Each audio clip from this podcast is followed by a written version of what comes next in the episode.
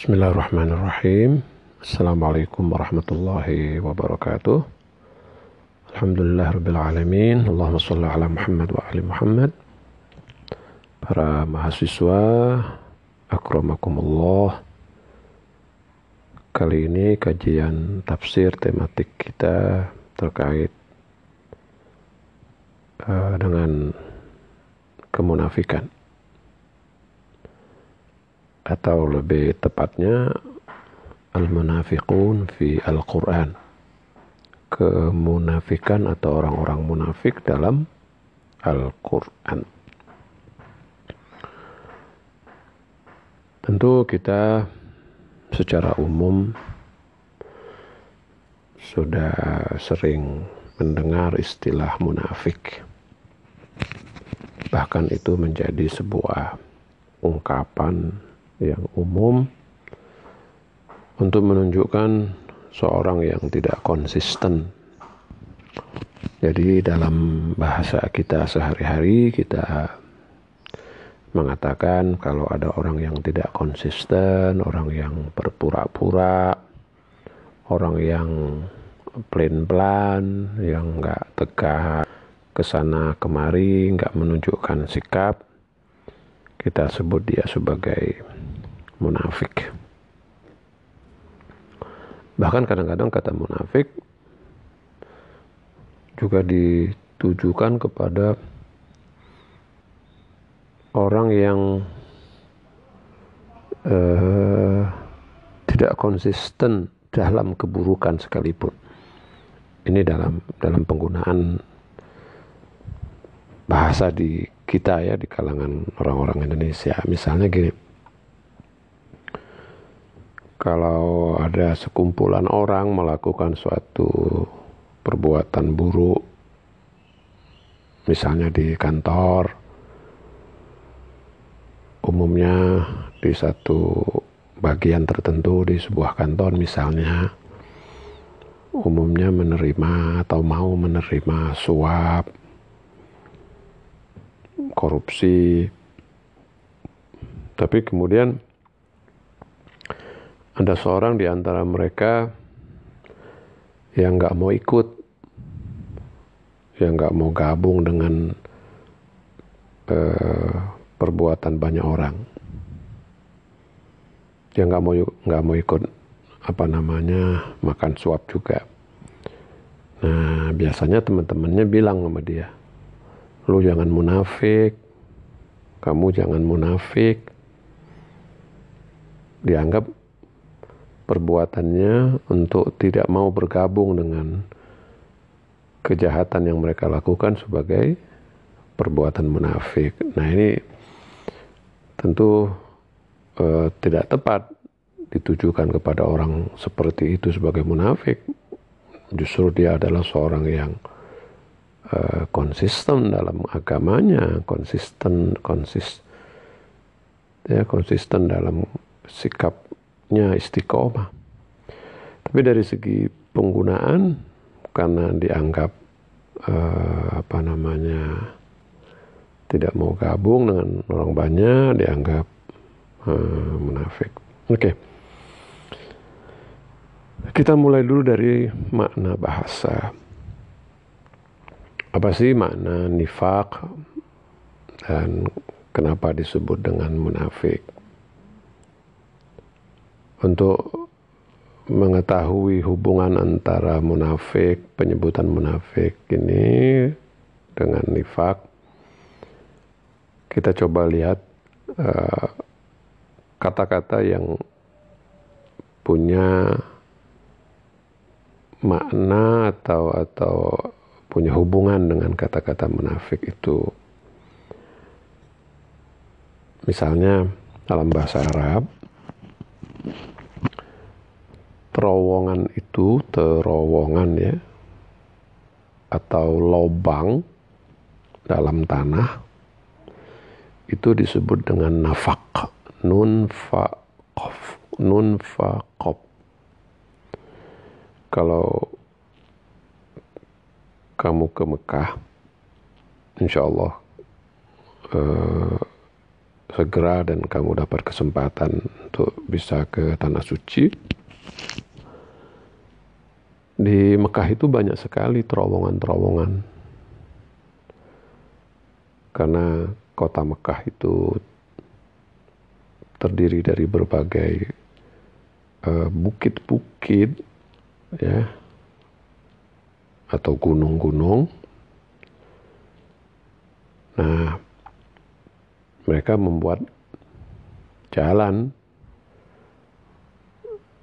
mereka membuat jalan yang menerobos bukit-bukit itu mau tidak mau ya mereka membuat terowongan untuk menyambungkan sisi jalan ini ke jalan yang di sebelah sana. Sehingga banyak sekali di kota Mekah itu terowongan-terowongan. Nah terowongan itu disebut dengan nafak.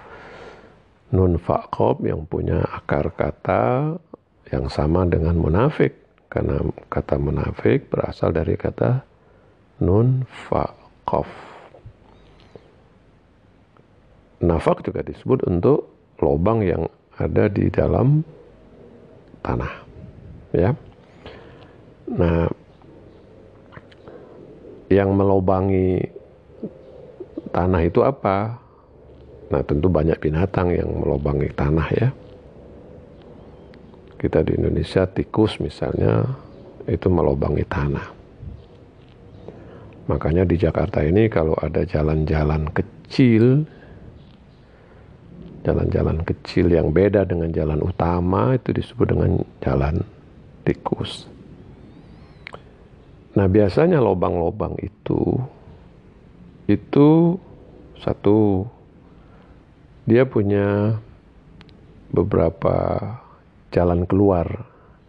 Jadi lobang itu dia tidak hanya satu, tapi dia buat jalan keluar dan jalan keluar itu bisa beberapa beberapa sisi ya. Jadi misalnya yang ada yang ke kanan, ada yang ke kiri. Tujuannya adalah kalau ada binatang lain yang mengejarnya, yang mau mencelakainya, maka si binatang itu bisa keluar dari berbagai jalan yang mereka buat. Atau bahkan ada juga binatang-binatang yang menutupi lubang itu dengan rumput misalnya atau dengan sesuatu apa sehingga orang tidak tahu di dalamnya ada jalan. Nah, munafik itu disebut dari aspek itu. Kenapa disebut munafik? Karena pada dasarnya perbuatan atau sikap munafik itu sikap yang menyembunyikan keyakinan. Menyembunyikan keyakinan dan menampakkannya dengan sesuatu yang lain. Jadi kalau dalam agama Islam ini biasanya orang munafik itu disebut untuk orang yang menyatakan keislaman dan bahkan mungkin dia melakukan eh, apa namanya amalan-amalan Islam.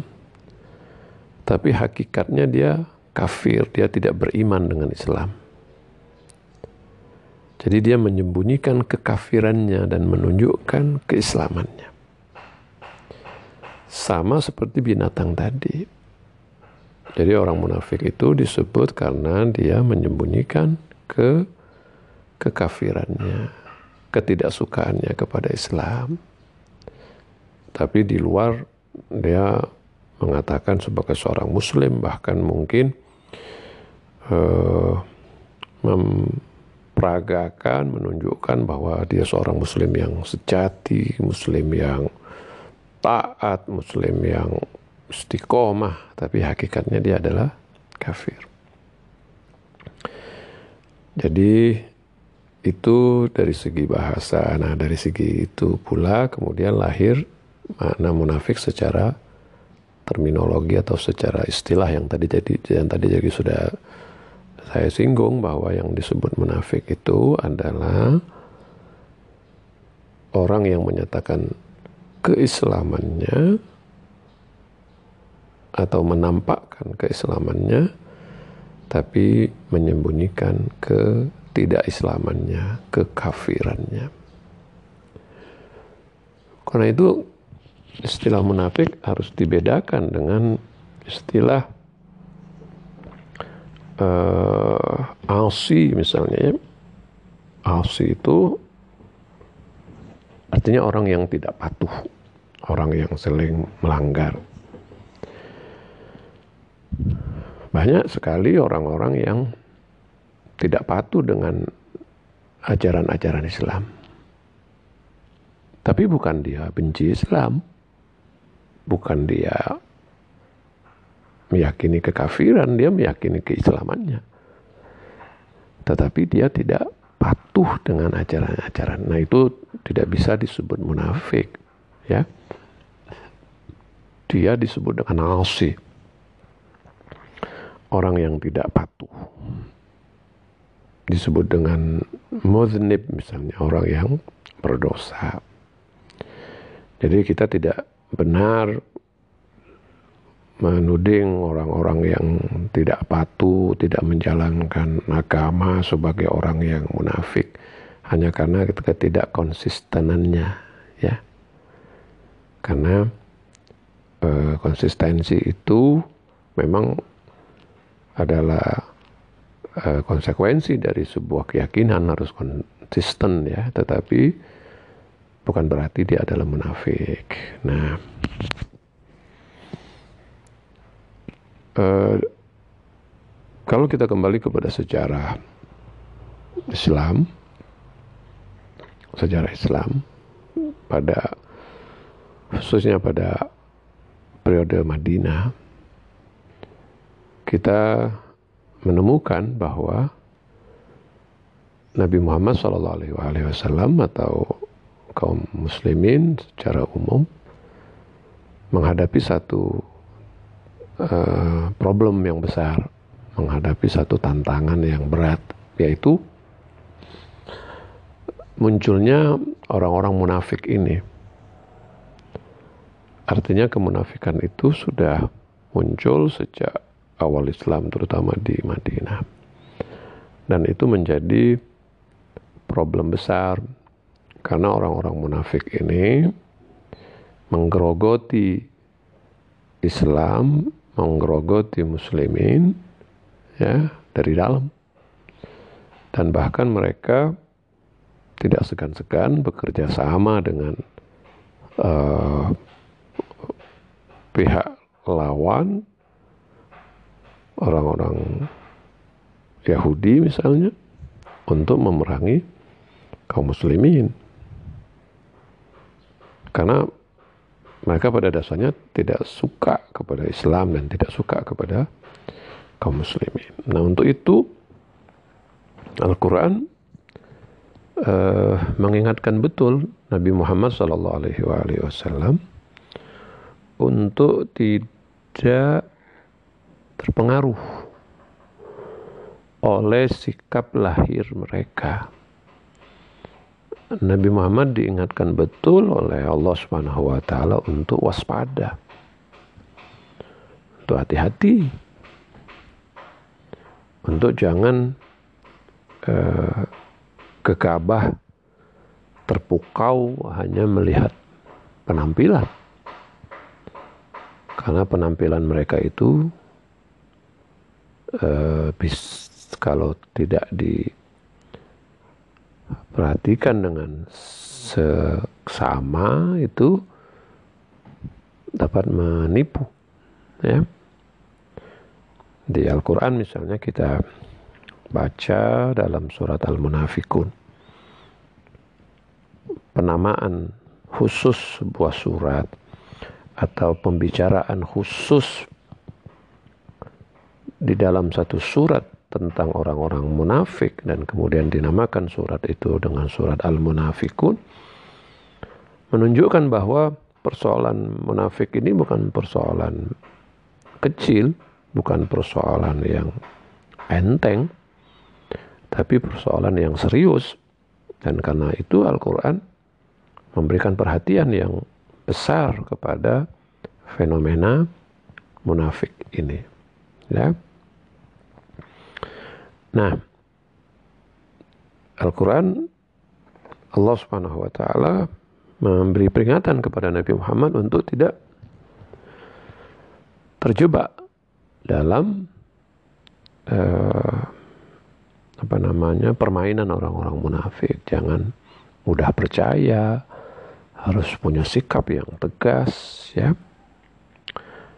Kita baca beberapa ayat dalam surat Al-Munafik yang menggambarkan hal itu. Di surat Al-Munafik, eh, surat Al-Munafikun ayat 4 kita bisa lihat betapa orang-orang munafik itu menampakkan seakan-akan mereka itu adalah orang-orang Islam yang luar biasa, orang-orang Islam yang betul-betul istiqomah. Nah Allah mengingatkan Nabi untuk hati-hati untuk waspada karena sesungguhnya mereka itu bukan muslim bukan kawan tapi mereka adalah musuh kita lihat surat Al-Munafikun ayat 4 Allah berfirman Bismillahirrahmanirrahim. Wa idza ra'aitahum tu'jibuka ajsamuhum. Wa in yaqulu tasma'u tasma' liqaulihim ka'annahum khushubun Musannada. yahsabuna kulla sayhatin alaihim. Humul adu fahadharhum qatalahumullah anna yu'fakun dan apabila engkau melihat mereka maka tubuh mereka itu membuatmu takjub. Dan apabila mereka berkata engkau mendengar ucapan mereka. Seakan-akan mereka itu adalah kayu-kayu tempat bersandar. Di sini Al-Quran menggambarkan kepada kita betapa orang-orang munafik itu menampakkan sesuatu yang luar biasa, menampakkan sesuatu yang sangat menarik. Yaitu pertama dari sisi fisik. Fisiknya itu mengagumkan. Ya tentu di sini fisik mengagumkan itu artinya mereka orang-orang yang misalnya berbadan tegar, mereka berwajah tampan ya, terus menunjukkan seakan-akan mereka itu uh, prajurit Islam yang yang yang apa namanya yang handal gitu ya. Nah, ini membuat orang yang melihat mereka takjub bahwa mereka itu uh, prajurit-prajurit Islam, bahwa mereka itu adalah uh, apa namanya relawan-relawan Islam yang yang mau berkorban untuk Islam dan sebagainya ya. Terus itu pertama. Yang kedua, kalau mereka berkata-kata engkau mendengar perkataan mereka. Artinya mereka bermulut manis teriak seakan-akan mereka adalah muslim-muslim yang uh, apa namanya yang patuh, yang istiqomah atau uh, muslim yang yang yang lemah lembut atau yang yang yang menampakkan seakan-akan mereka itu orang-orang baik. Ka'annahum khusyubun musannada seakan-akan mereka adalah Eh, kayu-kayu uh, tempat bersandar. Jadi mereka bisa diandalkan. Tapi apa kata Allah pada lanjutan ayatnya? Humul adu fahadzarhum. Mereka itu musuh. Hati-hati kepada mereka. Hati-hati kepada mereka. Jadi ayat ini mengingatkan Nabi Muhammad Wasallam untuk hati-hati karena mereka itu bukan teman, mereka itu musuh. Mereka itu ingin mencelakakan kamu. Fahadharuhum hati-hati. Nah karena itu memang dalam sejarah Islam ya eh, munafik ini satu problem besar bahkan bukan pada zaman Nabi saja ancaman orang-orang munafik ini kan berlanjut terus sampai sekarang cuma bedanya kalau di zaman Nabi Muhammad Sallallahu Alaihi Wasallam Allah Subhanahu Wa Taala membongkar siapa mereka Allah memberitahu kepada Nabi Muhammad siapa-siapa mereka sehingga mereka takut sekali. Nah, di zaman kita apa munafik sudah berakhir? Aneh ya. Masa munafik hanya pada masa Nabi Muhammad saja? Lalu begitu Nabi Muhammad meninggal, munafik itu selesai seakan-akan. Ya, ini sebuah ironi dalam perjalanan Islam bahwa sesudah Nabi Muhammad meninggal seakan-akan munafik itu redup berakhir dengan meninggalnya Nabi Muhammad. Ya tentu cara berpikir seperti ini salah. Justru ketika Nabi Muhammad sudah tidak ada, ketika wahyu sudah terputus, ketika sudah tidak ada lagi yang membongkar uh, hakikat mereka, mereka semakin merajalela. Tapi melakukan dengan cara lain. Yang tadi digambarkan oleh Al-Quran. Seakan-akan mereka adalah khusyubun musannada. Sebagai sandaran-sandaran yang dapat diandalkan. Mereka sesudah Nabi Muhammad meninggal berbaju manis, ya berbaju manis. Tapi tujuannya merusak Islam. Menyimpangkan agama Islam. Mereka tidak menyatakan kekafirannya. Tidak mengatakan saya tidak muslim. Kalau mereka sampai mengatakan saya tidak muslim, saya bukan Islam ya itu bukan disebut munafik lagi. Oh, mereka sudah kafir.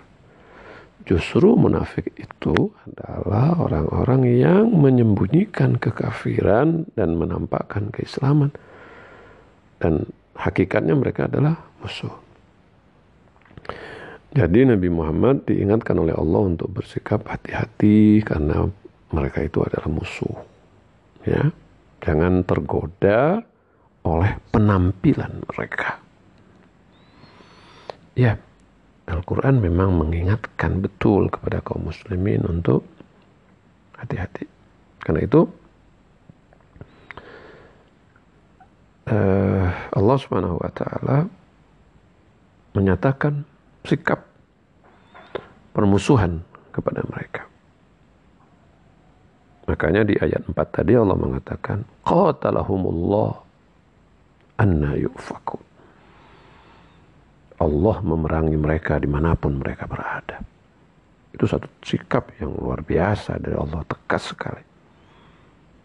Qatalahumullah. Allah memerangi mereka di mana pun mereka berada. Jadi uh, karena Allah Subhanahu wa taala menegaskan hal itu bahwa Allah memerangi mereka maka agama Islam ini kita dituntun untuk bersikap yang tegas itu juga ya. Uh, nah. Jadi di ayat 4 tadi kita lihat bahwa Allah Subhanahu wa taala mengingatkan Nabi Muhammad untuk berhati-hati dan Allah menyatakan mereka adalah musuh dan Allah akan menyatakan bahwa Allah memerangi mereka.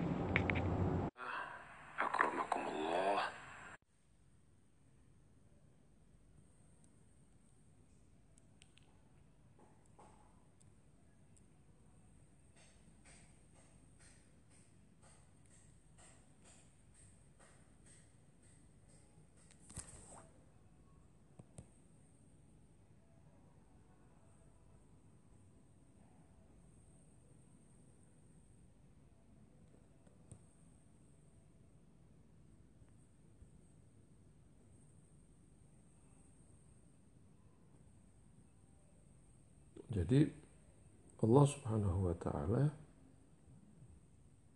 sangat tegas bagaimana Allah Subhanahu wa taala mengingatkan Nabi Muhammad untuk hati-hati dan bahwa mereka adalah musuh. Karena itu Al-Quran juga uh, mengingatkan Nabi Muhammad bahkan memerintahkan Nabi Muhammad Shallallahu Alaihi Wasallam untuk memerangi mereka untuk bersikap bahkan keras kepada mereka. Seperti yang dapat kita lihat ya pada ayat yang berkata ya ayyuhan nabi jahidil kuffar wal munafiqin waghlus alaihim wa ma'wahum jahannam wa bi'sal masir Nah, itu terdapat pada surat Taubah ayat 73. Insya Allah saya nggak salah. Di mana Allah berfirman, Hai Nabi, jahidil kuffar wal munafiqin. Lawan, kira-kira begitu ya. Jihadlah engkau, lawanlah atau perangi di sini tidak menyebut kata perangi tapi jahid ya. Jahid itu artinya bersungguh-sungguhlah engkau menghadapi orang-orang kafir dan orang-orang munafik. Jadi jangan engkau eh, apa namanya santai.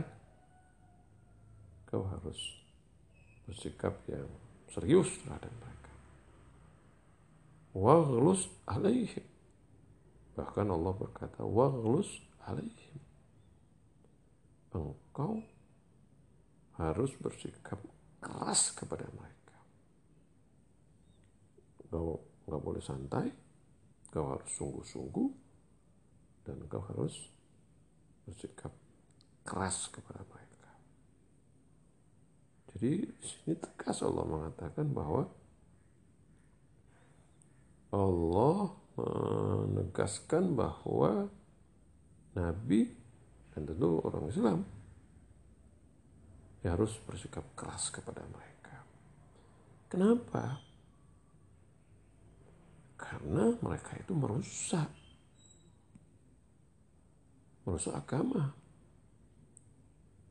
Kalau dibiarkan, maka agama ini akan menjadi tidak murni agama ini akan menjadi uh, udah nggak jelas lagi muncul atas nama agama tapi isinya adalah bertentangan dengan ajaran agama itu sendiri. Nah, di samping Allah mengingatkan kepada Nabi untuk tidak mudah terjebak, harus hati-hati dan memerintahkan Nabi untuk bersikap serius dan tegas dan keras bahkan. Allah juga menyatakan bahwa orang-orang munafik itu uh,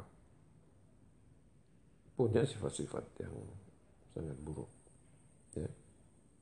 jadi orang-orang munafik itu punya karakter buruk yang harus disadari oleh Nabi yang harus diingat oleh Nabi bahwa mereka itu punya beberapa karakter buruk supaya Nabi dan umat Islam tahu tentang karakter mereka itu dan bersikap eh, hati-hati tidak percaya atau tidak mudah percaya ya.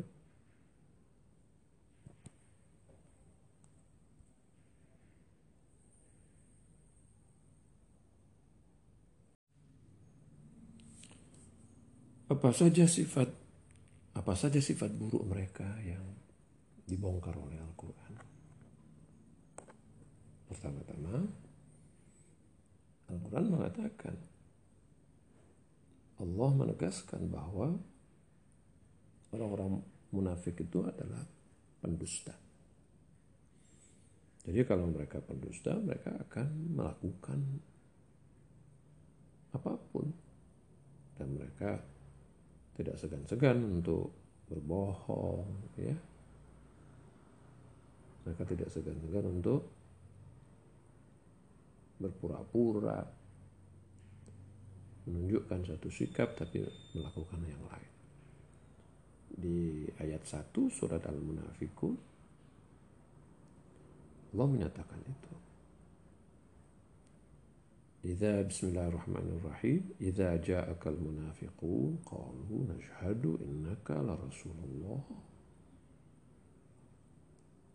Apabila orang-orang munafik datang kepadamu mereka berkata kami bersaksi innaka la rasulullah Engkau adalah utusan Allah. Jadi mereka mengatakan kepada Nabi Muhammad, Ashadu annaka Rasulullah. Kami bersaksi bahwa engkau Rasulullah. Menunjukkan keislaman. Wallahu ya'lamu innaka la Rasulullah. Allah tahu bahwa engkau memang adalah utusannya. Tapi Wallahu yashhadu innal munafiqina lakadzibun. Dan Allah bersaksi bahwa orang-orang munafik itu sungguh pendusta. Jadi Nabi Muhammad diingatkan oleh Allah Subhanahu wa taala jangan terpengaruh hanya karena mereka sudah mengatakan bersaksi bahwa Nabi Muhammad adalah utusan Allah. Allah mengatakan tidak mereka itu munafik, eh mereka itu pendusta. Ya. Mereka itu pendusta.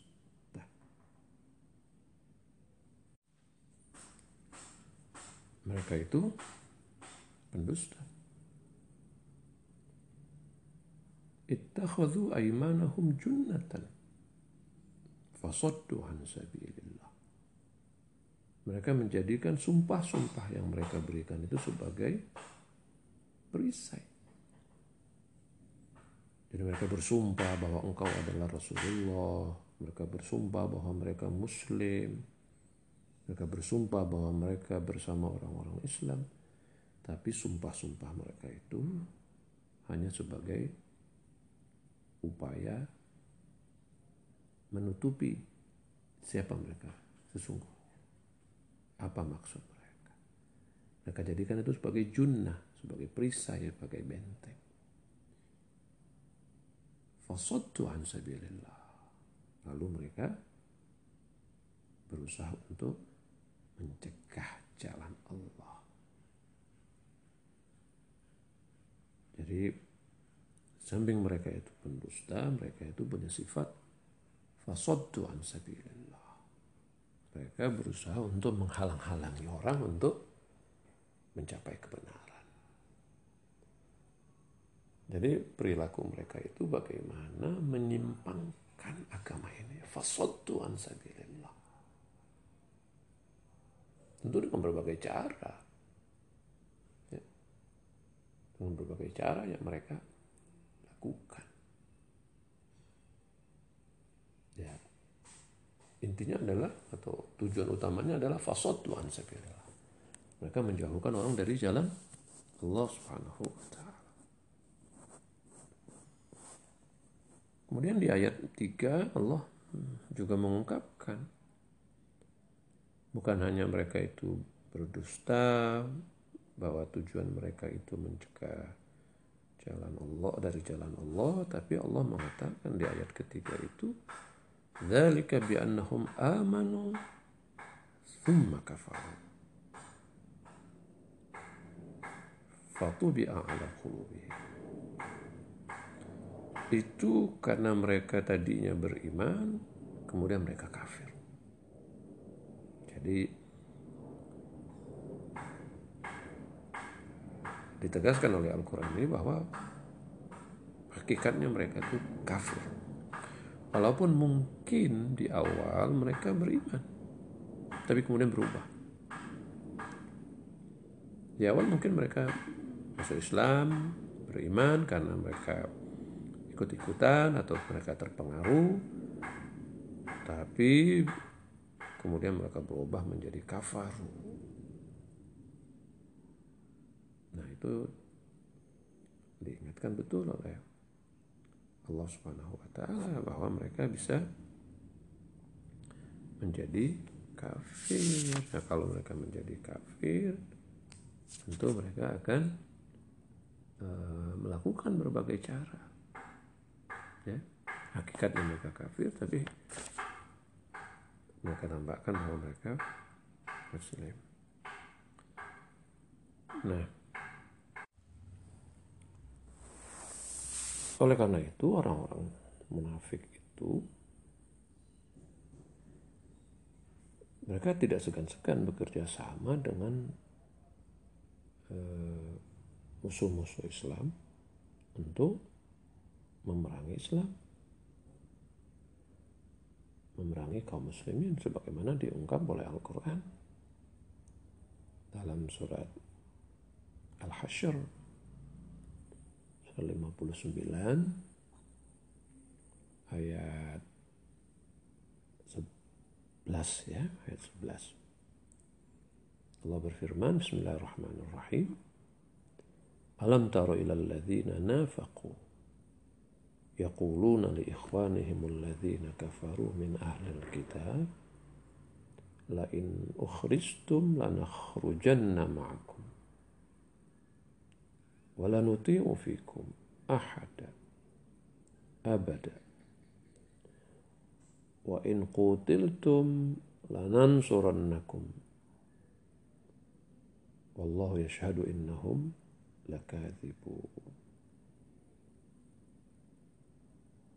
Apakah engkau tidak melihat apa yang dilakukan oleh orang-orang munafik? Mereka berkata kepada saudara-saudara mereka dari golongan orang-orang kafir dari ahlul kitab. Seandainya kamu dikeluarkan kami akan keluar juga bersama kamu.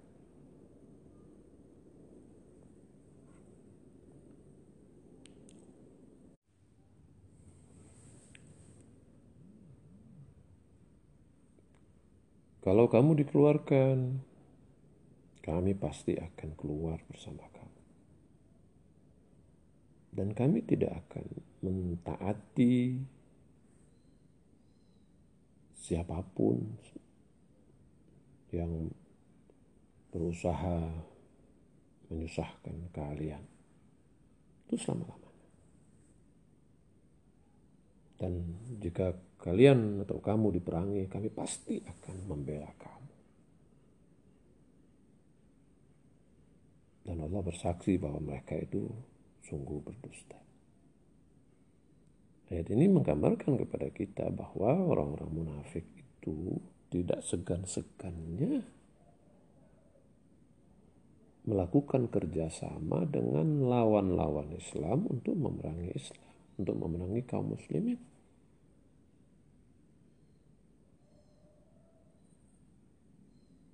Digambarkan oleh ayat ini bahwa mereka eh, bekerja sama dengan orang-orang kafir dari ahlul kitab. Ya tentu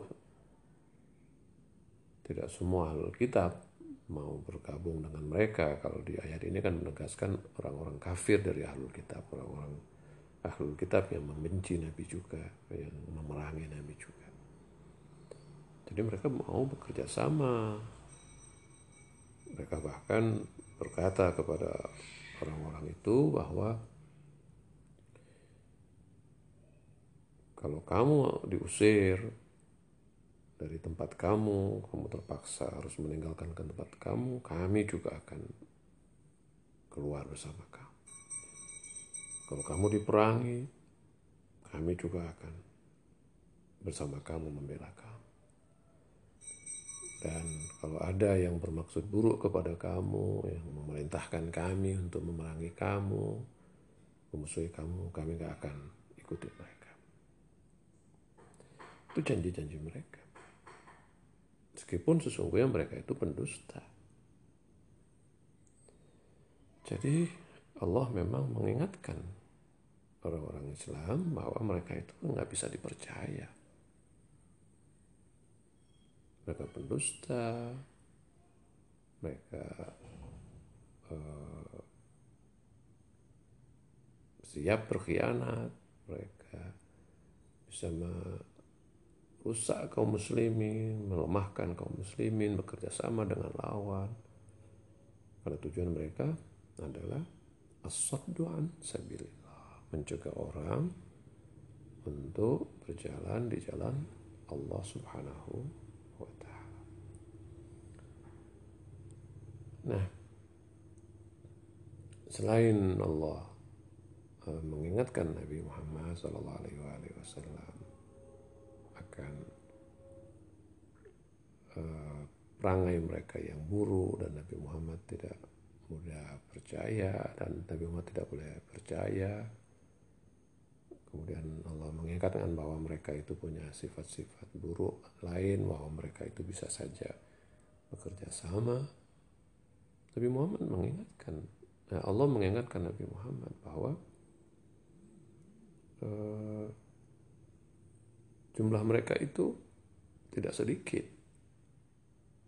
Mereka ada. Dan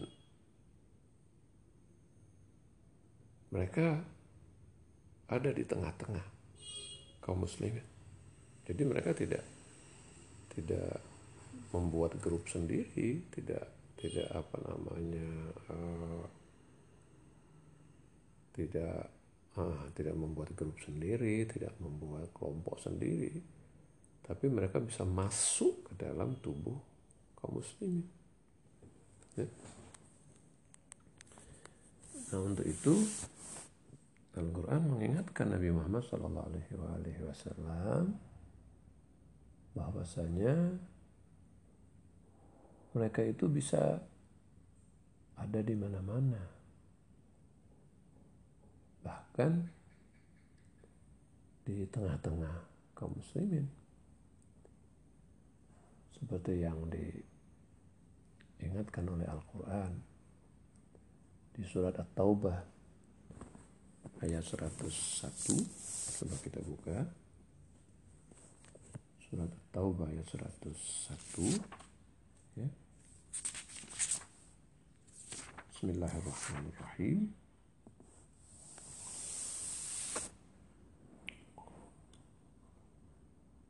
wa mimman haulakum minal a'rabi munafiqun wa min ahli al-madinati maradu 'ala nifaq la ta'lamuhum nahnu na'lamuhum sanu'adzibuhum marratain thumma yuradduna ila 'adzabin akharin.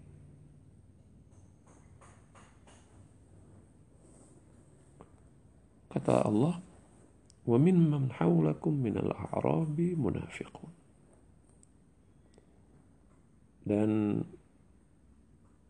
di antara orang-orang Arab orang-orang Badui, orang-orang pedalaman yang ada di sekitar kamu, di antara mereka ada orang-orang munafik. wa min ahlil madinati maradu.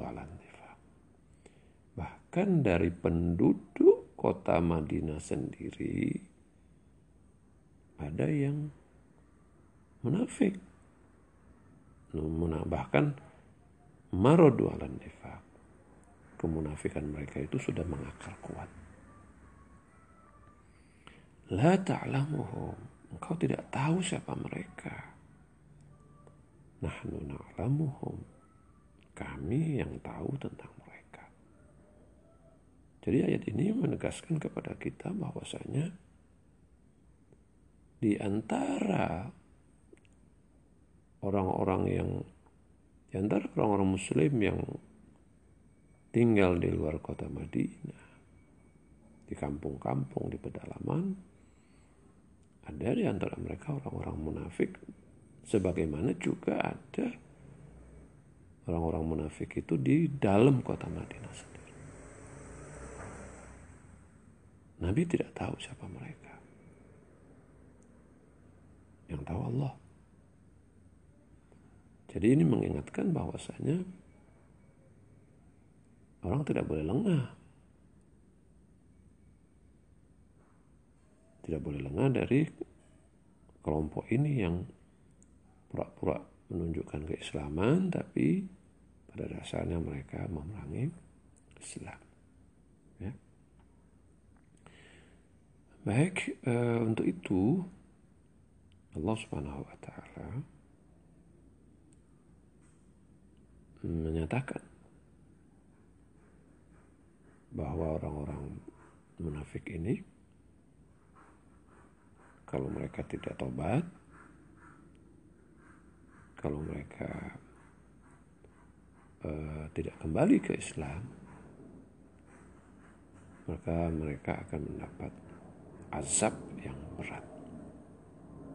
Mereka diancam dengan azab yang berat. Bahkan azabnya itu berlipat-lipat. Seperti yang terlihat dalam surat At-Taubah ayat 100 tadi, 101 tadi. Sanu'adzibuhum marrotain. Kami akan mengazab mereka dua kali. Bukan hanya diazab dua kali, thumma yuradduna ila azabin azim. Kemudian mereka dikembalikan ke azab yang besar. Bayangkan, Allah menyatakan bahwa mereka akan mendapat azab yang besar. Besar itu bahasa Allah loh. Tentu ketika Allah bilang azab yang besar, besar itu dalam bahasa Allah berarti luar biasa besar. Kalau besar itu hanya bahasa manusia, ya kita mungkin melihat besar itu sesuatu yang relatif ya, sesuatu yang hmm, ya kita menganggap kalau ada api membakar sebuah gedung, maka kita katakan wah apinya besar. Atau kita melihat sesuatu api yang menyala-nyala misalnya. rumah yang terbakar atau apa saja yang terbakar kita bilang asap api itu besar. Ini Allah loh yang menyatakan asapnya besar. Jadi orang-orang munafik kalau mereka mau tobat tentu diterima. Ya. Tapi kalau mereka terus dalam kemunafikannya mereka akan diancam nah 102 surat At-Taubah kita baca lagi kita baca Allah mengatakan wa akharuna tarafu bidzunubihim. Khalatu khalatu amalan salihan wa akhara sayyi'ah. Dan ada lagi yang lain di antara mereka yang tadi menyembunyikan ke kekafiran mereka tapi sesungguhnya mereka itu ada di tengah-tengah tapi karena pandainya mereka menyembunyikan kekafiran mereka sehingga tidak diketahui bahkan oleh Nabi sekalipun. Tapi ada juga di antara mereka yang i'tarafu. Mereka mengaku atas dosa-dosa mereka. Jadi mereka memang punya niat jahat, tapi kemudian mereka tobat. Apa yang mereka lakukan? Khalatu amalan salihan wa akhara sayya. Mereka mencampur adu antara amal baik dan amal jahat. Amal buruk. Nah ini salah satu kriteria lain bahwa mereka itu campur aduk. Ya mereka misalnya sholat juga, mereka puasa juga, tapi pada saat yang sama mereka punya niat yang buruk terhadap Islam. Asallah an yatuba alaihim. Tapi karena mereka sudah mengaku taubat, semoga Allah mengampuni mereka. Inna Allah ghafur rahim. Karena Allah maha pengasih lagi maha pengampun. Tapi kalau mereka terus dalam perbuatan dosa mereka, mereka akan ya, mereka diancam dengan ancaman yang sangat berat. Bahkan uh, Al-Quran mengatakan bahwasanya orang-orang kafir itu akan dimasukkan oleh Allah Subhanahu wa taala ke dalam api neraka yang sangat dalam. Ya akan dimasukkan pada tingkat terbawah dari api neraka. Kita bisa lihat dalam surat An-Nisa ayat 145. Ya, kita buka surat An-Nisa ayat 145.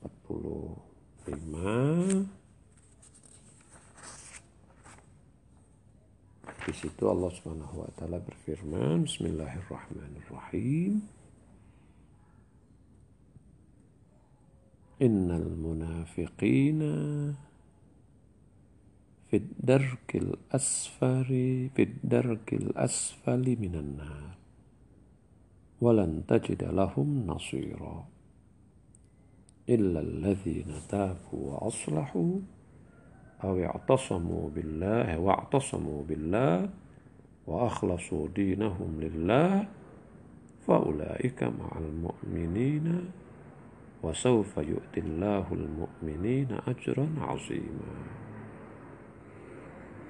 Allah berfirman sesungguhnya orang-orang munafik itu fidarkil asfali minanna mereka berada pada tingkat yang paling rendah dari api neraka. Maksudnya berada pada eh, neraka yang paling dalam. Ya. Karena neraka itu bertingkat-tingkat, nah mereka berada yang paling dalam. Di paling berat. Walan tajidalahum nasir. Dan engkau tidak akan mendapatkan ada yang membela mereka. Illalladzina tabu. Tentu saja kecuali yang taubat, wa aslahu, yang kemudian memperbaiki diri, wa billah, berpegang kepada Allah, wa akhlasu dinahum lillah kemudian mereka mengikhlaskan agama mereka untuk Allah Nah, faulai kemal mukminin kalau sudah begitu mereka bersama orang-orang mukmin. Wasaufa yu'tillahul mu'minina ajran 'azima dan Allah pasti akan memberikan pahala yang besar bagi orang-orang mukmin. Nah, di Al-Qur'an memang kita temukan ayat-ayat yang menyatakan bahwa orang-orang munafik itu akan diazab oleh Allah di neraka. Ada banyak ayat. Kita sudah baca tadi dua ayat ya. Ayat yang menyatakan Allah akan hukum mereka dua kali. Terus ayat yang menyatakan bahwa mereka akan uh, didudukkan di neraka yang paling dalam. Tapi tentu uh, di ayat Al-Quran juga, di ayat-ayat yang lain juga menyatakan itu bahwa Allah Subhanahu Wa Taala akan menghukum mereka. Ya, misalnya di surat An-Nisa ayat 140 di surat An-Nisa ayat 140 juga oh tadi ayat 145 nah ini di ayat 140 nya Allah mengatakan seperti ini Bismillahirrahmanirrahim. Di ujung ayatnya ya. Inna Allah jami'ul munafiqina wal kafirina fi jahannam jami'a. Sesungguhnya Allah menggabungkan atau menghimpun orang-orang munafik dan orang-orang kafir di dalam neraka semuanya. Jadi mereka akan ditempatkan di tempat yang sama dengan orang-orang kafir. Mereka akan digabungkan bersama orang-orang kafir. Kenapa mereka akan digabungkan bersama dengan orang-orang kafir di dalam neraka? Karena mereka hakikatnya adalah kafir. Meskipun mereka menyatakan keislaman. Tapi karena hati mereka adalah kekafiran, mereka digabungkan bersama orang-orang kafir. Nah, eh, ada banyak ayat lain yang bercerita tentang orang-orang munafik ini ya. Kita akan sambung nanti pada materi berikutnya tapi untuk kali ini kita cukupkan dulu. Kita akan sambung pada materi selanjutnya ya tentang orang-orang munafik. Oke, uh, kita cukupkan dulu dan silahkan kalau ada yang mau bertanya. Billahi taufiq wal hidayah. Assalamualaikum warahmatullahi wabarakatuh.